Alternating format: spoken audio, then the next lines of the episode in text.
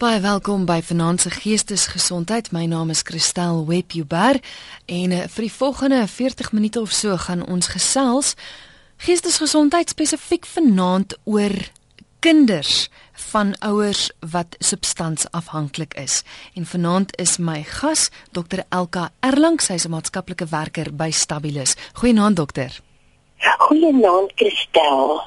Ek wil vir jou as luisteraar uitnooi om asseblief saam te gesels. Jy is welkom om vir ons 'n SMS te stuur na 3343. Dis 3343. Elke SMS kos jou R1.50 en geen gratis SMS'e geld nie.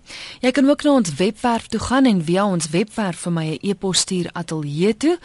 Dit is rsg.co.za en daar's 'n skakel wat sê stuur e-pos aan ateljee. Ek het reeds een ontvang van anoniem in Noordwes. Dan kan jy natuurlik ook skakel na die ateljee 089 0891104553.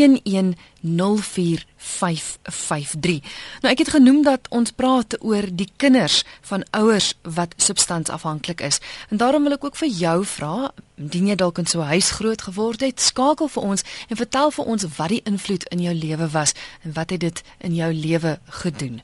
Jy's meer as welkom om met ons te gesels. Dokter, ek wil begin by wat is die omvang van kinders van substansafhanklikes? Weet jy Christel in Suid-Afrika staan nie baie navorsing oor hierdie onderwerp beskikbaar nie. En uh so 20 jaar terug het hulle in Amerika bewus maar begin raak van die probleem dat kinders van substansafhanklike ouers ook maar verskeidenheid van probleme ervaar. En ehm um, so ons kom maar 'n bietjie kyk na Amerika se uh, uh statistieke net so interessantheid. Hulle sê dat uh daar so tussen 6 en 11 miljoen kinders jonger as 18 jaar is wat in kind, wat in gesinne groot word waar daar alkoholprobleme is in Amerika.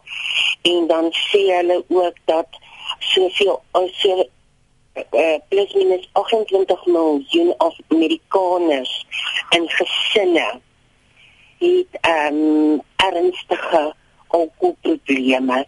So dit bly maar 'n groot uh probleem ehm um, alkoholisme en ek dink ons kan dit seker ook dan nou weer trek na ander substansafhanklikheid soos dwelms en medikasieafhanklikheid. Hulle sê ook in die Wikipedia dat ongeveer 1 uit 5 Amerikaners groot word in gesinne waar daar ook 'n probleem is en ehm um, substansafhanklikheid is maar een van die groot uh oorsake van disfunksionele gesinne ook. Ons kry ander tipe disfunksionele gesinne ook waar daar nou gesinsgeweld is of ehm um, geestesongesteldhede by ouers of depressies of uh, gevangenissetting of enkel ouer gesinne met probleme maar ek dink een van die grootste disfunksionele tipe gesinne wat ons kry is maar 'n uh, uh, uh, gesinne waar daar uh, substansafhanklikheid voorkom. Ons gaan nou kyk na kenmerke en eienskappe van sulke gesinne. Ek wil gou kom by die by die epos wat ek gekry het van anoniem van Noordwes wat sê ek noem hulle die ten spyte van kinders. Want ten spyte van een ouer met 'n drankprobleem en die ander met 'n dubbelprobleem, is hulle toegewyde leerders. Ek weet nou nie of hy praat van spesifieke kinders nie, maar hy sê dis hartseer want hulle word amper as kinders met afwesige ouers groot. Wat op aarde doen 'n bekommerde ouer aan so iets? dit is baie waar wat sy daar nog genoem dat die ouers baie keer afwesig is want die uh afhanklikheid van dubbel of uh alkohol wat ook al kom voor die kinders en ehm um, dit is wonderlik om uh net weer uit hierdie geleentheid te sien dat baie keer kry mense die kinders dat hulle baie toegewyd is en uh, dat hulle eintlik klein groot mensies is hmm. en die verantwoordelikhede oorneem van die ouers maar jy kry ook dan nou weer die kinders wat na die ander kant toe beweeg onverantwoordelik is um begin volg in die voetstappe van die ouers deur met substansie te eksperimenteer en uh uh so uh, dit is uh, nogal voel ek baie keer dat uh, kinders van hulle uh, jong mense lewe beroof word met ouers wat albei substansafhanklikheidsprobleme het uh of dan nou 'n dubbelprobleem saam het want uh, hulle moet dan vir hulle self uh beklei en kyk en onafhanklik begin funksioneer waar hulle eintlik nog hulle ouers nodig het. Hmm. Dis baie waar wat jy sê want kinders gaan baie dikwels of in een rigting of 'n ander rigting. Hulle doen soos wat ma en pa gedoen het of hulle het totaal en al 'n weerstand daarin. Dis reg. Ons kan nogal baie keer die tendens dat uh ons uh, hulle het die weerstand daarin en um, hulle spoor verantwoordelik en dis vir hulle baie belangrik om uh verantwoordelike uh volwassenes te wees of dat hulle dan nou in die ouers se voetspore volg en self afhanklikheidsprobleme ontwikkel. Kom ons kyk gou-gou na die kenmerke of eienskappe by gesinne waar substansafhanklikheid voorkom. Hoe lyk so 'n gesin? Weet jy, hulle noem nogal ook in die statistieke dat daar baie keer ehm um, uh geweld of aggressiwiteit, fisiese aggressiwiteit voorkom by gesinne waar uh daar 'n ouer is wat substansafhanklik is. Hulle neem 'n 'n 'n black in uh, void sê dat tot 60% is van kinders wat rapporteer dat daar fisiese aggressiwiteit in hulle gesinne was. En dan rapporteer hulle ook dat 44% van kinders van mense met substansafhanklike probleme uh rapporteer dat hierdie ouers baie dikwels beklei en daar baie dikwels konflik in die uh huis is. Interessant is ook dat die gemiddelde ouderdom waarop die kinders agtergekom het dat daar nie iets reg is in die huis nie, is onder 10 jaar. So die kinders onder 10 jarige ouderdom het al besef dinge in die huishouding is nie is moontlik soos die wat uh by die maatjies is nie. Ehm um, wat wat gebeur in hierdie uh, kenmerke in die gesinne waar substansafhanklikheid voorkom is, soos jy nou genoem het, afwesige ouers. Uh dan kyk mens ook na inkonsekwentheid. Ek meen uh mens weet nooit in watter toestand tref jy jou ouer by die huis aan nie. So dit is onvoorspelbaar. Uh daar word geleenthede geskep vir die kinders as ouers onder die invloed skole besoek.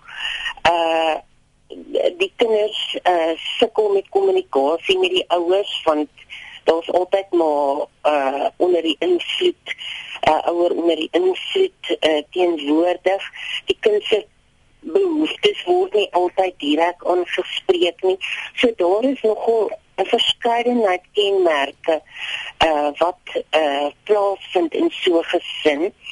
En uh ek dink dit dit kan baie uh, onveilig vir 'n kind voel en baie ehm um, vernederend ook wees om 'n ouer met 'n substansafhanklike probleem te hê. Mm, ek weet altyd ek het um, iemand wat ek ken, 'n kennis wat ek het wat altyd vir my sê hy het 'n pa gehad wat wat 'n alkolikus was en met sportbyeenkomste het sy pa altyd met met die kar gaan parkeer en bo op die dak gesit en kliphard geskreeu en dit was vir hom as 'n seentjie ongelooflik.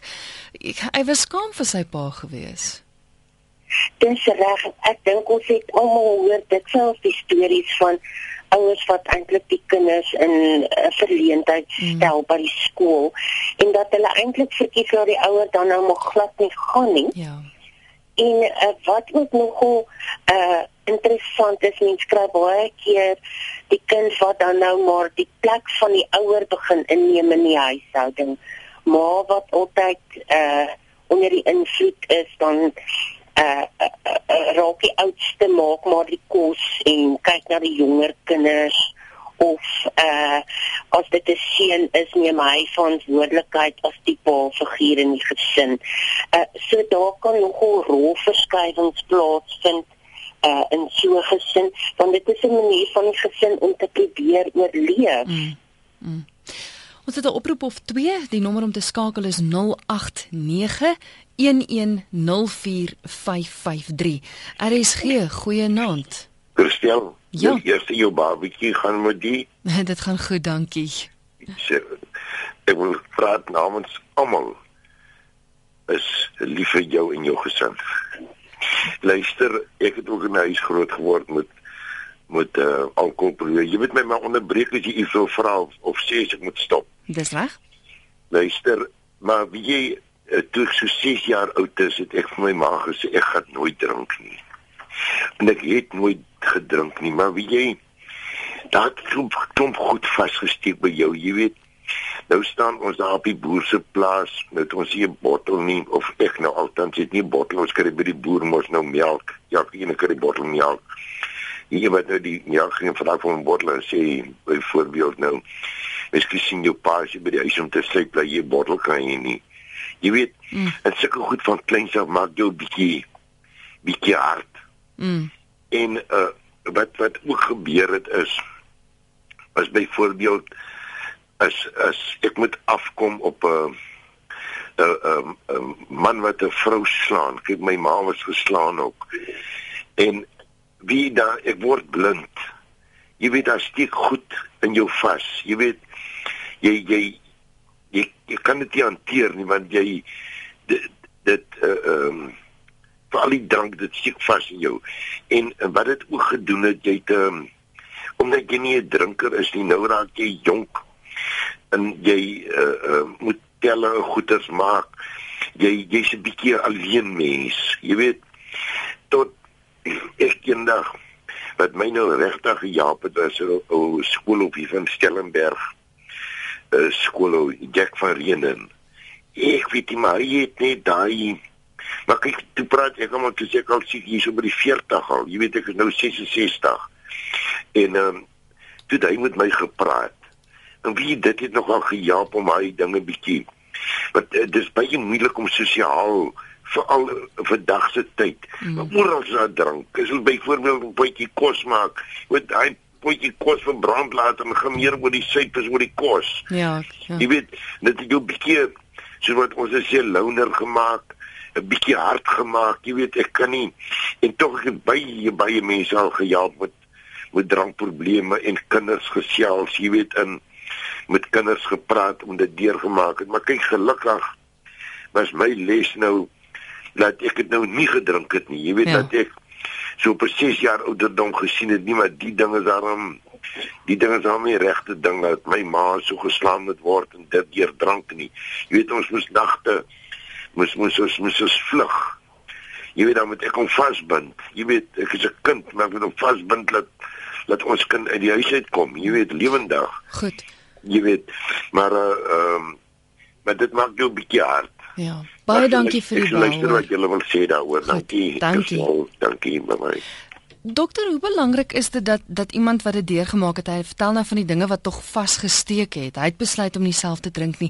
Maar hoe belangrik is dit vir 'n kind wat wat deur dit gaan om te gaan vir berading? Is so iets nodig of of verwerk hulle dit maar op hulle eie? Dit kan ek dink dit kan baie sinvol wees en baie betekenisvol wees as 'n uh, uh, soos 'n uh, uh, die persoon ook genoem het dat hy met die skoolhoof gepraat het en die somme bietjie leiding gegee het.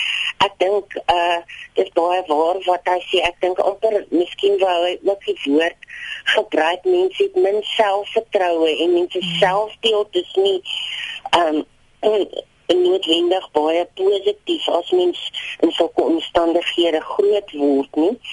En uh ek dink dit kan baie help as mens met uh, iemand kundig gaan gesels en net 'n bietjie die hele ehm um, gesin se disfunksionaliteit en se afhanklikheid in perspektief sien en ook besef dat ehm um, uh, uh, mens as kind was nie verantwoordelik vir die ouer wat drink nie. Hmm. Want baie keer dink ek ontwikkel ons skuldgevoelens by kinders. Hulle voel hulle wat het hulle gedoen of wat is hulle besig om te doen dat die ouers so 'n probleem het. Hmm.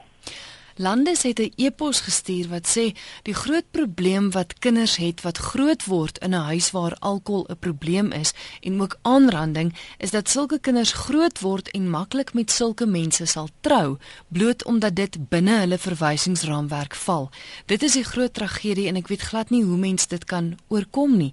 Is baie waar wat Lande sê want mense sien dikwels meisies wat se paas hulle hulle maas geslaan het trou met 'n man wat hulle slaan. Hoekom is dit so? Is dit maar oor die verwysingsraamwerk? Ek dink dit is baie uh, uh, die persoon is baie reg wat hy uh e e-mail gestuur het en baie keer uh, uh sien ons dat 'n uh, okulisse vrou of 'n afhanklike vrou se pa was ook 'n afhanklike oefenma en ek dink dit gaan baie keer oor die bekendheid. Um 'n persoon wat in so 'n gesin groot word, weet hoe om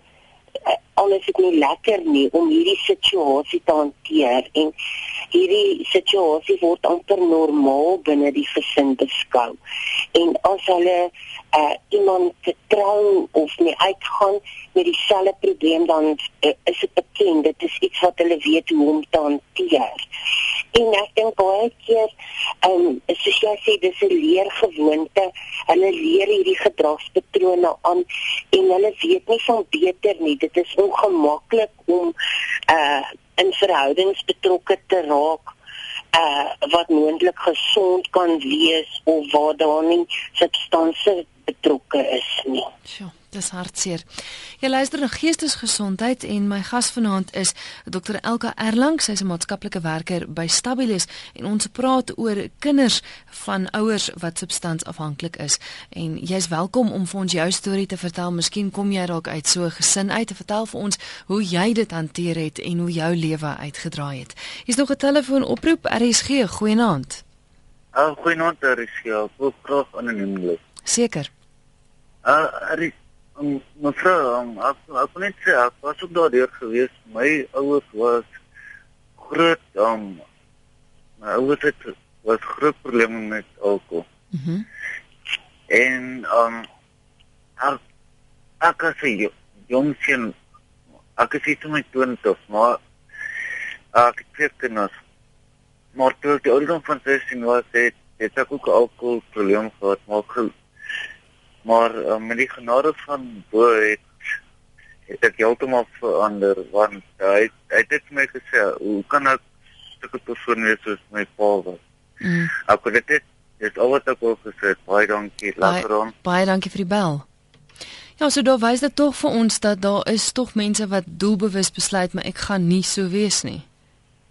Dis wonderlik dat die persoon uh, daai insig ontwikkel het om hy het 'n probleem ontwikkel maar hy het besef ek wil nie dit dieselfde bied wat ek gekry het in my ouer huis aan my kinders nie en dat hy uh eh, doelbewus 'n keuse gemaak het vir 'n verandering en ek dink dit is wonderlik as 'n persoon tot daardie insigte kan kom want so baie mense uh, uh in sulke disfunksionele gesinne kom nie toe daardie besef dat eh uh, die effek wat dit op die kinders se geestesgesondheid het nie. Hmm. Is ons 'n SMS wat ingekom het van 'n luisteraar wat sê ek is 37 jaar oud. My ouers woon by my, maar ek moet die pot aan die kook hou. Ek misbruik die laaste ruk Ritalin om my wakker te hou sodat ek besigheid kan genereer.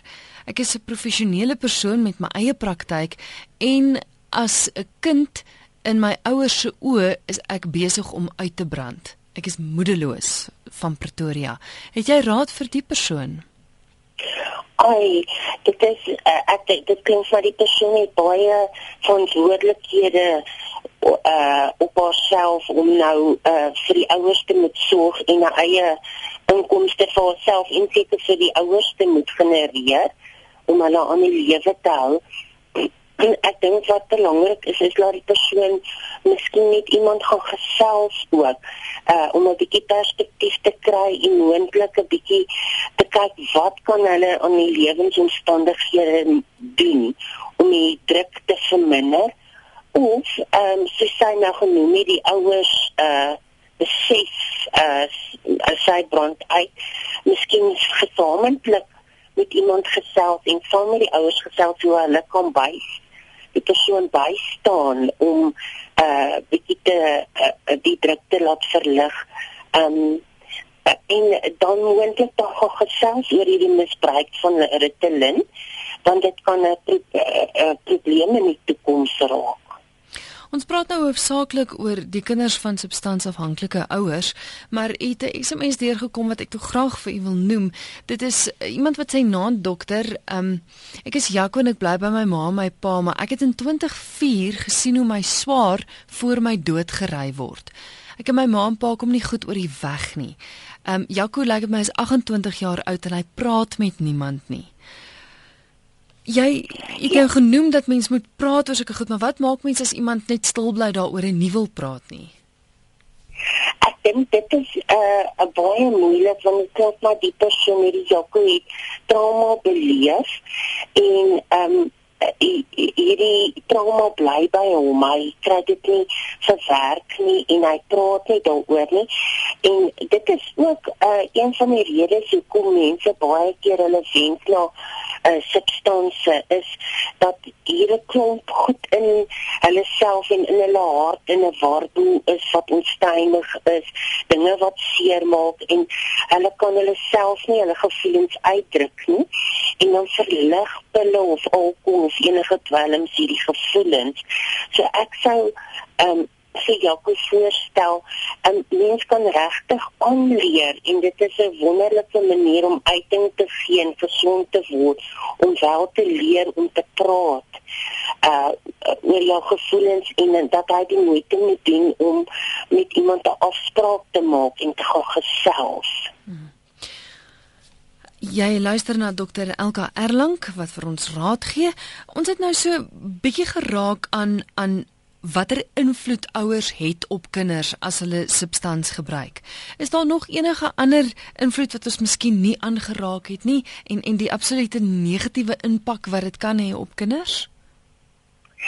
Ek dink wat uh belangrik is is dat ons ook uh met die sê dat daar baie keer 'n navorsing wys dat dit daar vervreemding en egskeidings as mens gaan kyk uh dan uh kom dit baie keer ook voor in gesinne waar daar substansafhanklikheid voorgekom het of waar die uh ouers substansafhanklik was.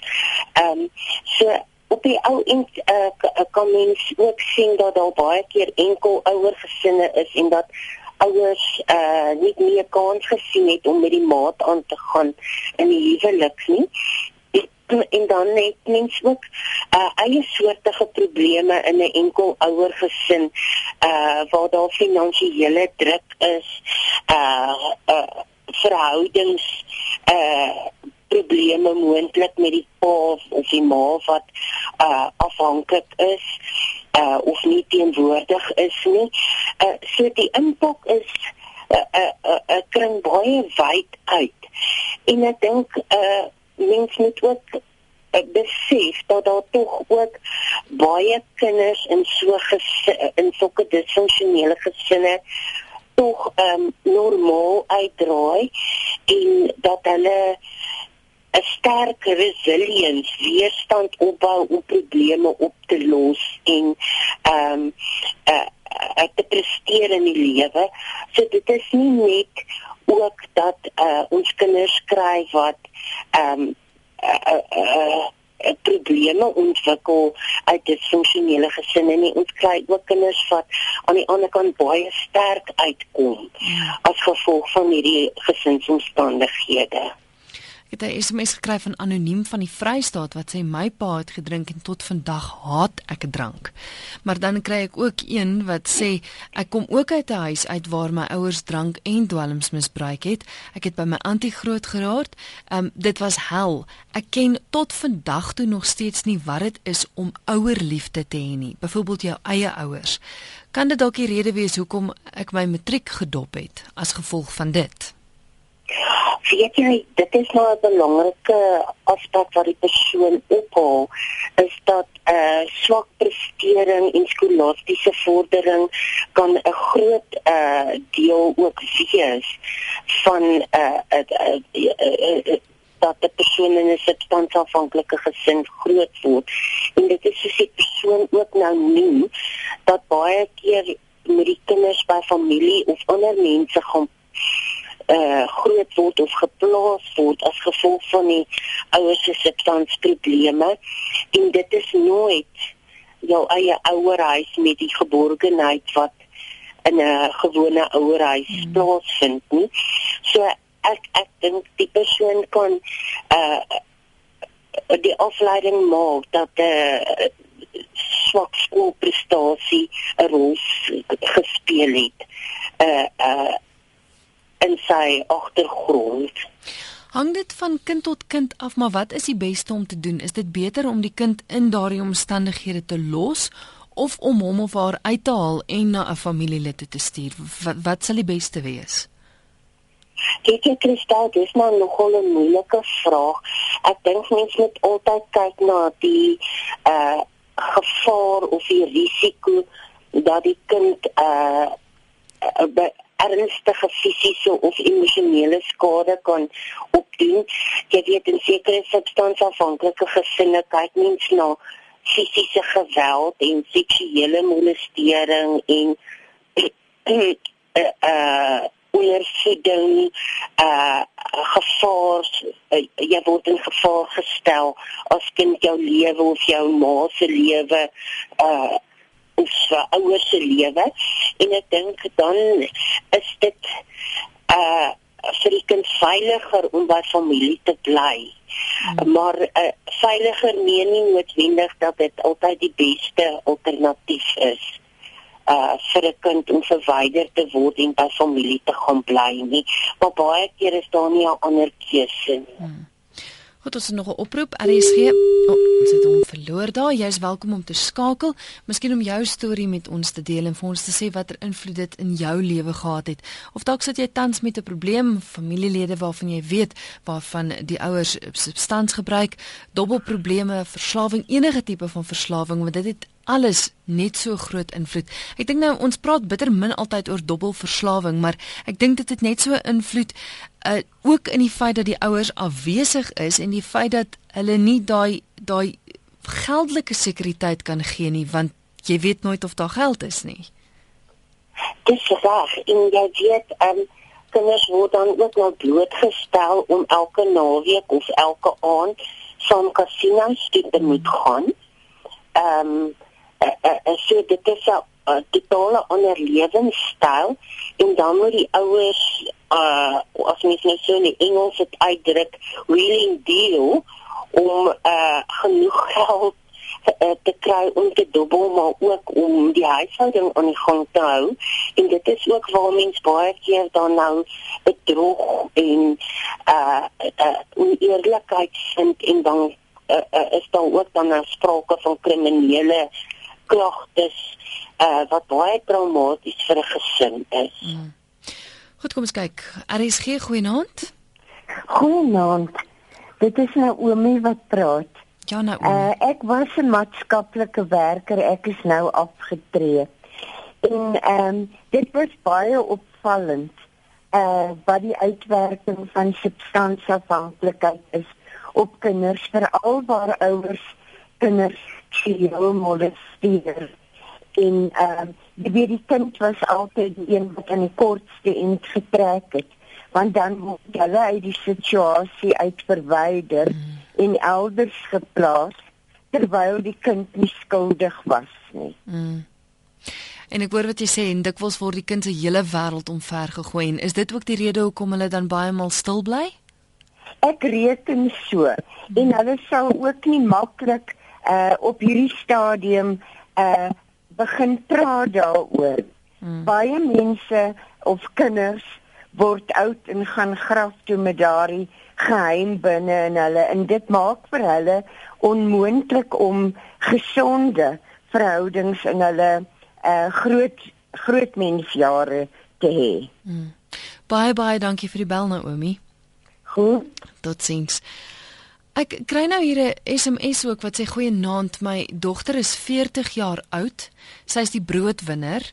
Sy het 'n hoë pos. sy het 'n seentjie van 5 jaar. Sy die kind is baie begaafd. Die pa se alkolikus, hy werk by die Suid-Afrikaanse Polisie Diens. Hy's 'n baie goeie pa wanneer hy nugter is, maar hy is onkonsekwent. Wat gaan van my ou klein seentjie word? Dis 'n SMS van anoniem.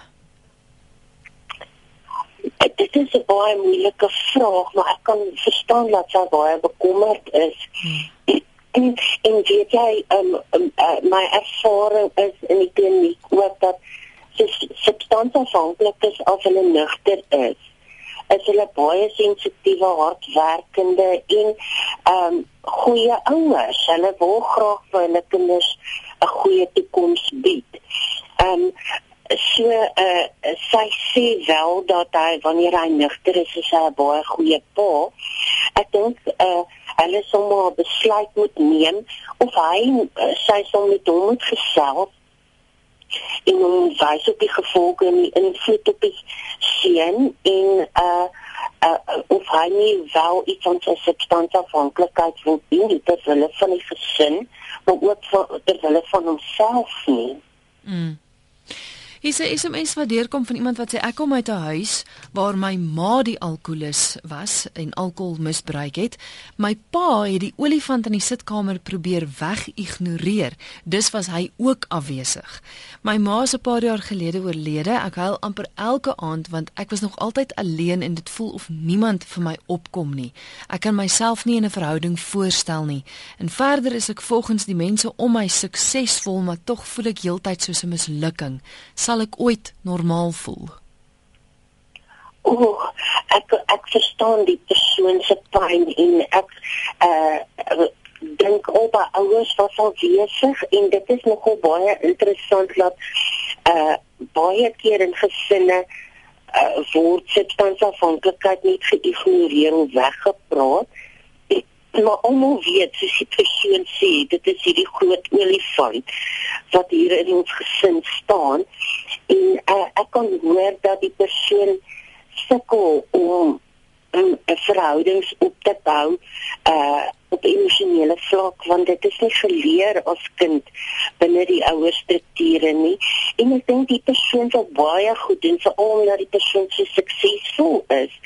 Um om wel te gesels in hierdie uh effek van sy agtergrond uh gaan uitsorteer en dit in perspektief te sien in sy huidige lewe as volwassene.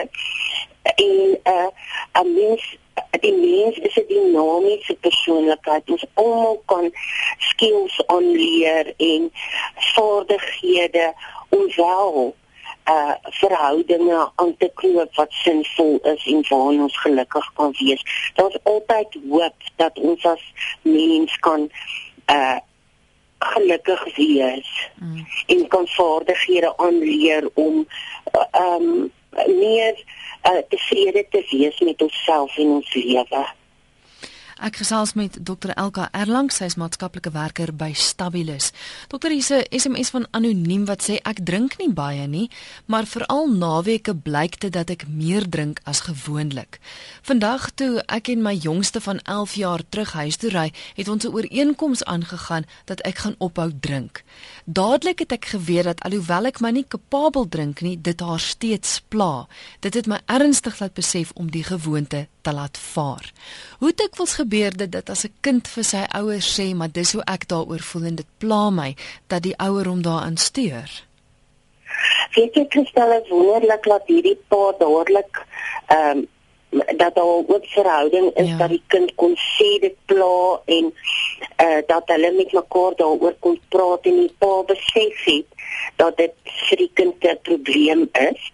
Ehm um, baie keer is die afhanklikheid al so ver gevorder in die gesin dat uh die persoon kan nie meer sonder die alkohol of die substans klaarkom nie of dobbel of dwelms nie en uh, dat dit aanhoudend maar die effekte van die beloftes wat gemaak word aan die kind of die ander ouer en uh dat hierdie belofte net nooit nagekom word nie van die persoon is al te ver in die proses van afhanklikheid en hulle het professionele hulp nodig om dan uh hierdie bose kringloop te stop. Maar dit klink vir my die pa ehm um, is wel nog op 'n stadium wat hy moontlik ehm um, self die probleem kan aanspreek en nie of so fisies en psigies afhanklik is van substansies dat hy uh moet 'n uh, uh, professionele behandeling kry nie. Hmm. Ek dink wat ek vanaand besef het is dat in baie van die gevalle moet mense praat oor dit. Sou dit dieselfde raad wees vir die volgende luisteraar wat sê, "Vertel my asseblief, hoe kan 'n mens vergeet as jou ma en pa jou mishandel het toe jy 'n tiener was? Hulle het om verskoning gevra, maar ek kan dit nie vergeet nie." Ek dink Christel jy is baie reg daar. Ehm um, uh, dit is 'n traumatiese ervaring vir so 'n persoon en uh hulle het om verskoning gevra maar ek dink die persoon het nodig om met iemand dit te gaan sit en gesels en uit te sorteer uh en self antwoorde in haarself te vind en die wysheid in haarself te vind uh en vrede daarmee te kan maak.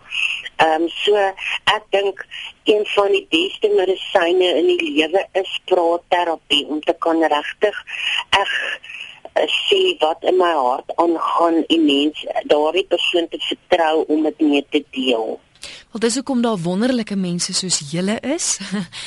Gee gou vir ons die kontakbesonderhede van Stabilis want ek weet julle is 'n wonderlike plek en 24 uur is daar 'n lyn van mense wat gehelp kan word. Die telefoonnommer by Stabilis asseblief dokter.